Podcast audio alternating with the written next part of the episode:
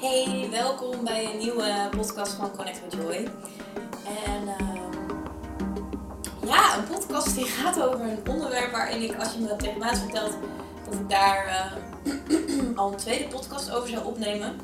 Want ik heb al eerder een keer over het onderwerp geld een podcast opgenomen. En als je me dat een paar maanden geleden had verteld, dan had ik echt gezegd, ja dag. Want laat ik eventjes, voordat ik helemaal de diepte in ga duiken een klein beetje meenemen in mijn, um, ja, mijn reis rondom geld. Um, ik heb zeg maar elke blokkade die je rondom geld kan hebben. Nou, ik denk dat die wel in mijn uh, geldpakketje heeft gezeten, slash soms ook nog steeds zit. Ik geloof namelijk heel sterk dat we natuurlijk, we kunnen op bepaalde blokkades werken.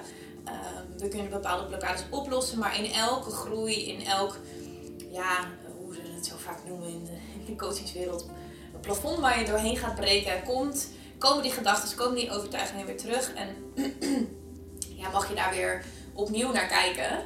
Uh, en ik geloof ook heel sterk dat we ja, de afgelopen tijd elkaar ook best wel wat beïnvloed hebben rondom geld. Over, ah, ja, er was op een gegeven moment zo'n hype dat hoe meer, hoe beter. En dat we alles mogen vragen wat we mogen vragen. En ik geloof dat ook. Bedoel, geld is er echt in overvloed. En Weet je wel, we hoeven ons echt niet tegen te houden om nog meer te mogen ontvangen. Uh, maar ik voel daar altijd wel sterk een beetje een nuance in. Uh, vooral om, ja, wanneer gaat het nog om de kwaliteit en om de klanten en om de, de echt de liefde die je stopt in, in, in je producten, in je diensten. Zeg maar de wereld een stukje mooier helpen, maken. En mag je daar dus ook gewoon goed geld voor vragen? En wanneer gaat het alleen nog maar over je hogere omzetdoel en nog een hogere omzetdoel en nog een hoger omzetdoel en nog een hoger omzetdoel. Uh, en die twee werelden, die, die, twee, die, die twee takken, daar heb ik de afgelopen tijd best wel ja, in gespeeld, uh, in kaart in omgevallen. Uh, en ik wilde eigenlijk in deze podcast daar heel eerlijk wat over met je delen, want er wordt vaak heel erg gedeeld over, ja, over de, de, de, het geld ontvangen en over dat, de, het, succes, zeg maar, waar je naartoe aan het bewegen bent. Maar er wordt heel weinig nog gedeeld over, maar wat gebeurt er dan tijdens die reis? En uh, ja, ik geloof gewoon heel sterk dat, dat we daar ook wat meer over mogen delen. Um, ik heb mijn allereerste programma wat ik ooit verkocht was voor, uh, het was volgens mij zeven weken voor 180 euro of zo.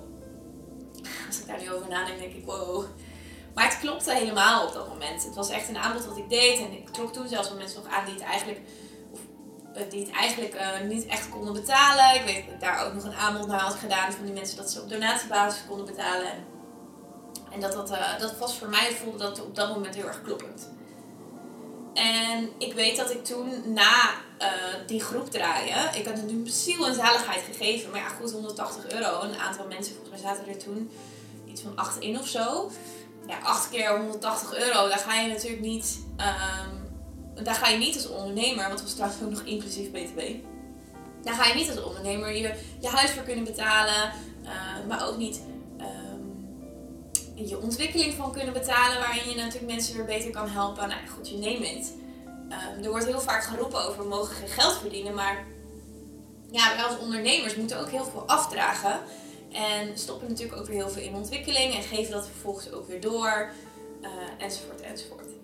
Maar goed, ik ben toen uiteindelijk een, een, uh, ja, een reis ingekomen rondom, rondom geld. En ik ben toen meer voor mijn waarde gaan staan. En elke keer als ik dat deed, dan vond ik dat zo spannend. En dan kwam er elke keer weer van alles omhoog. En, en um, nou, op een gegeven moment uh, merkte ik dat ik in, in, in een stuk kwam dat ik, als je, als, vooral, ik gaf toen ook nog ceremonies vorig jaar, echt één op één ceremonies. Ja, dat waren gewoon hele dagen. Ik vond het heel lastig om daar een prijs voor te, voor te, uh, te bepalen. Maar ik merkte ook dat als ik te veel van die dagen gaf en niet voor mijn waarde ging staan, dat ik gewoon aan het einde van de maand best wel uh, moe en op was.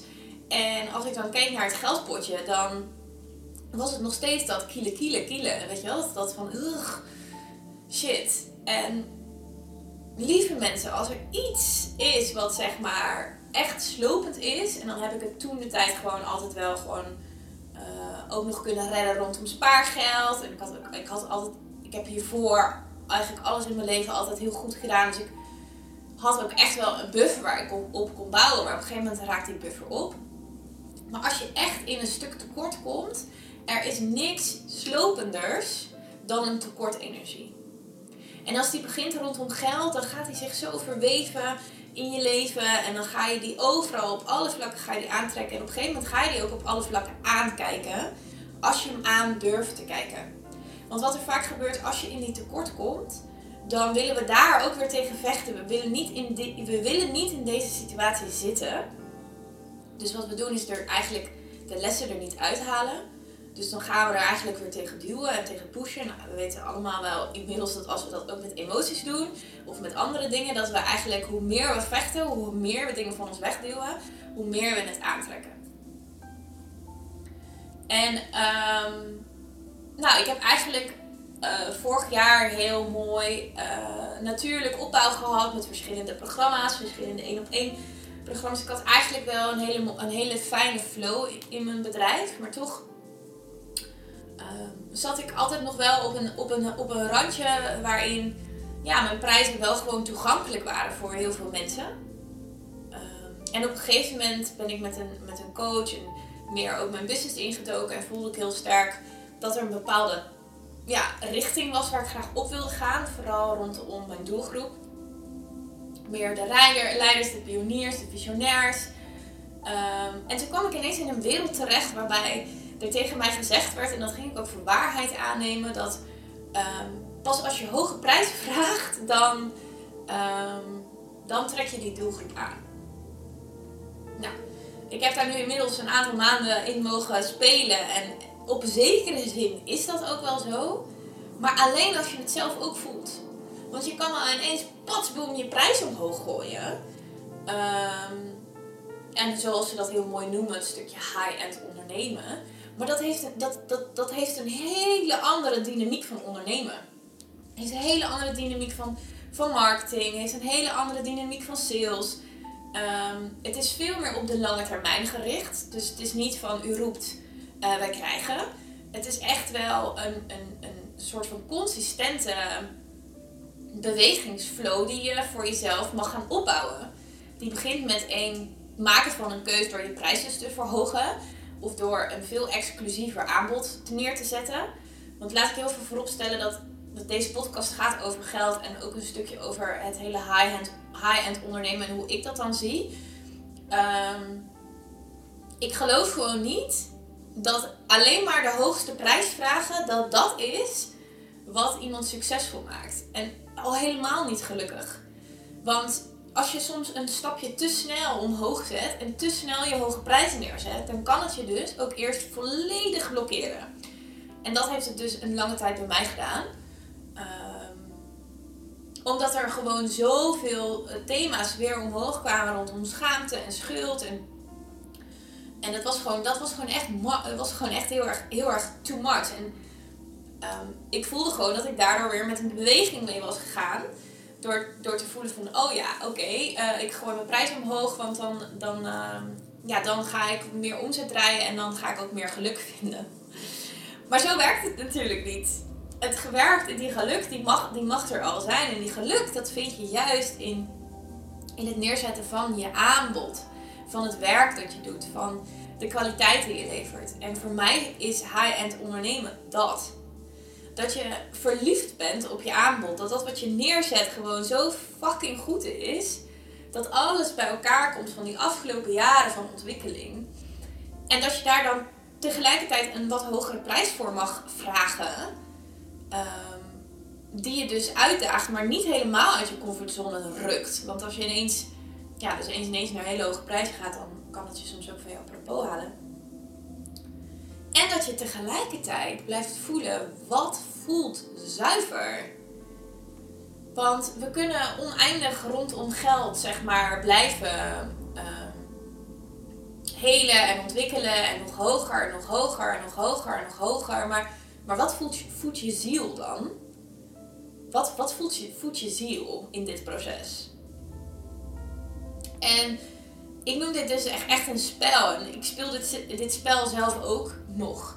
En je mag ook eerlijk weten dat ik af en toe echt diep, diep ongelukkig raak van dit spel. Omdat ik soms ook in mij een, nog steeds een deel heb zitten dat gewoon voelt van, ach, weet je wel, waarom, waarom leven we niet meer in die wereld?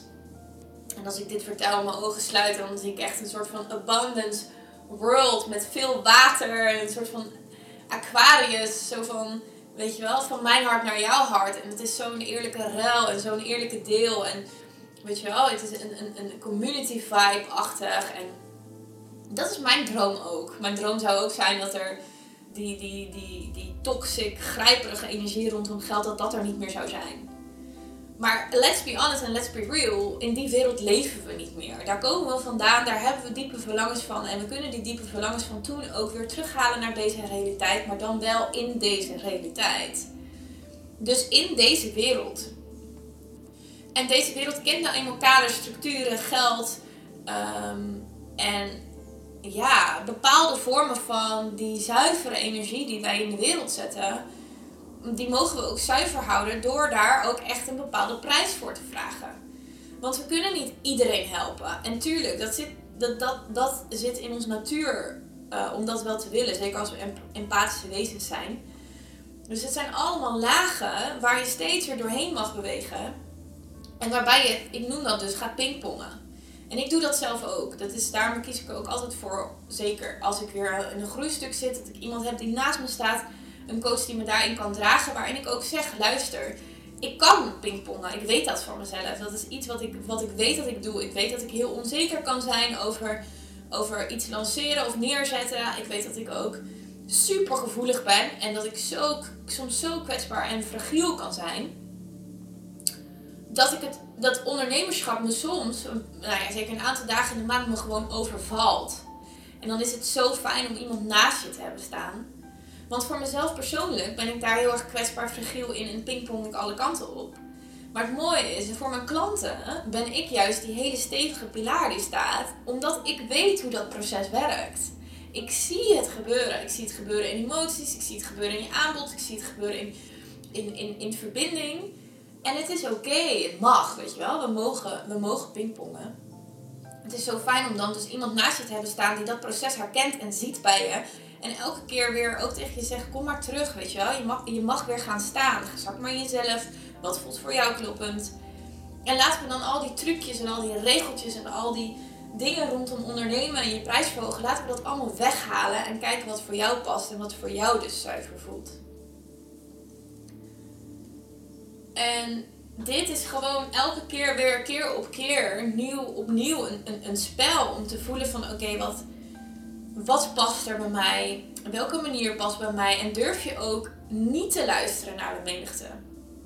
Durf je ook te luisteren naar uh, wat voor jou kloppend voelt? En durf je dan ook nog steeds het onderscheid te maken? Want dan is, dan is het sprongetje weer heel gemakkelijk om dan te zeggen: ja, maar uh, ik ben niet van hoge prijzen, want um, ja, ik, wil, ik wil dus zuiver en integer zijn. Maar die is dus wel interessant om te onderzoeken, want is dat ook echt waar, lage prijzen vragen? Is dat zuiver en integer? Want bijvoorbeeld als ik naar mezelf kijk, naar een, een, een cirkel of een, of, een, of een ceremonie of een healing sessie. En dat kan voor misschien sommige mensen gek klinken, maar dat is voor mij wat kloppend voelt. Als die te goedkoop is, of als daar maar Jan en allemaal in kan, dan voelt die voor mij niet zuiver ik, ik voel graag de verbinding met de spaceholder. En ik, ik, ik wil ook de spaceholder die mij spacehold heel graag iets geven. Omdat ik zoveel liefde, zoveel respect heb ehm, voor hem of haar werk. Omdat ik zijn, of haar dienst, letterlijk een stukje van, van zijn pad, uh, dat ik daarin klik. En dat ik ook daar een deel van weer mag integreren in mij. En ik voel dan zoveel liefde dat iemand dan zijn of haar pad heeft bewandeld en dat ik daar mee aan mag haken en dat ik dat dan weer mag ontvangen. En dat doe ik met ceremoniesessies, met healing sessies, ehm, met een energetische guide, maar ook met, um, met een business coach. En daarom is het altijd fijn om te voelen van oké, wat, wat, wat heb ik dan nu nodig? En ik vind het dan wel even grappig om in deze podcast ook te benoemen dat en misschien is het leuk ook als je deze podcast luistert tot hier en je voelt hier. Ehm, je vindt hier wat van, of je hebt hier meningen over, of een, uh, een gevoel, deelt dan vooral met mij. Want ik vind het dus een interessant uh, gedachtegang, welke bij mij dus vaak terugkomt en wat ik ook zie bij mijn klanten, is dat het bijvoorbeeld voor een business coach, die dus niet, nou ja, tussen haakjes, heel erg bezig is met spiritualiteit, of die spiritualiteit wel inzet, maar dan nog steeds vanuit heel erg het hoofd, ehm, is het veel gemakkelijker om veel geld te vragen. Maar vinden wij het als empathische wezens ook veel gemakkelijker om veel geld aan hun te betalen?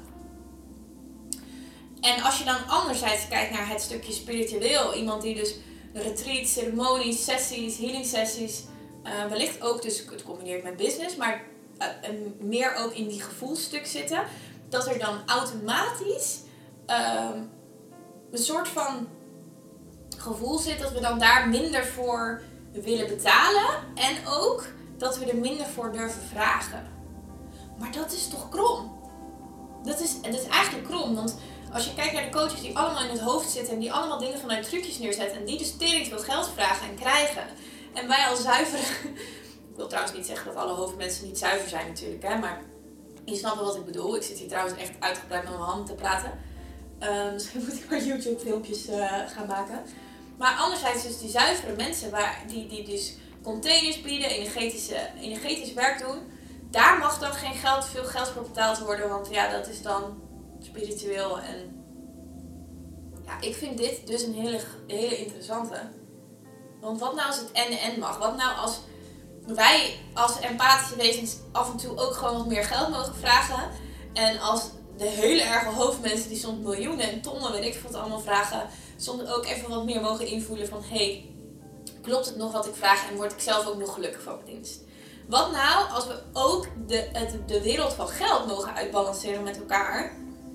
En dus wel gewoon af en toe wat meer voor ons waarde gaan staan. Maar ook af en toe gewoon even elkaar mogen confronteren van ja, klopt deze prijs wel, weet je wel? Het hoeft, het hoeft niet altijd to de max te zijn, hè? Dat betekent niet dat je eraan onderdoor moet gaan. Want er is niks kutters aan een bedrijf hebben. En met je heel en ziel en zaligheid ondernemen en mensen helpen en vervolgens gewoon aan het einde van de maand elke maand denken: shit. En als je denkt, shit, en dan gewoon alleen maar je prijs verhogen, dat is vaak niet altijd de oplossing. Daar komt echt een shitload aan, aan delen en stukken omhoog.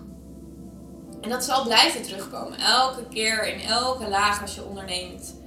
Um, zo had ik bijvoorbeeld in nou, dat is misschien wel leuk om te delen. In januari uh, had ik echt de beste maand ever. Ik schreef 30k. Nou, dat is echt belachelijk veel geld.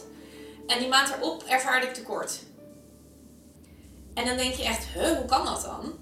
Hoe kan, kan, je, hoe kan je zoiets nou uh, ervaren? Grappig, mijn, mijn hoofd gaat heel even aan omdat ik nu dus bedrag benoem.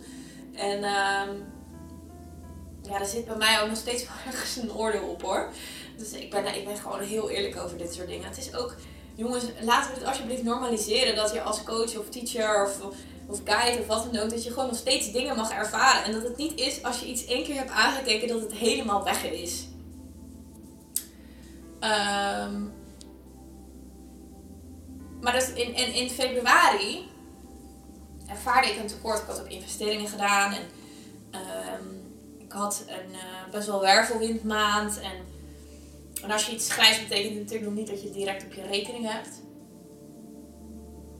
En ik heb toen echt mogen leren dat die tekortenergie, want ik heb hem uitgenodigd. En ik merkte ook echt dat ik er ja, voor het eerst echt helemaal doorheen mocht bewegen. Want ik, ik had nog nooit echt tekort ervaren. Ik heb wel eens wat met minder geld gedaan, maar ik had altijd wel een buffer of iets om terug te vallen. En nu was het echt gewoon nou ja, niet. En ik heb dat als heel interessant ervaren, omdat er gewoon. nou, grappig, er komt heel veel los in mijn keel. Omdat daar gewoon zoveel lessen in zitten.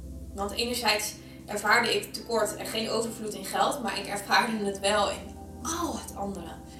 In mijn leven, in mijn relaties, in mijn huis, in mijn woning, in mijn eten. Man, ik, ontplofte bijna van vervulling van het feit dat ik zo overvloedig van binnenuit voel en dat het daarom gaat. En tegelijkertijd is het hebben van tekort van geld, jongens, het het is gewoon. Het is, dat is gewoon fucking kut. Het is echt, echt ontzettend kut. En hoe kan je dan ook steeds maar weer helemaal zuiver en vrij en, en, en alles geven als je steeds dat knagende gevoel hebt? Dat is gewoon niet chill.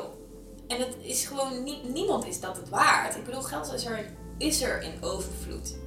Geld is er in, echt in fucking overvloed in de wereld. Maar wij hebben er zoveel oordelen over gegooid.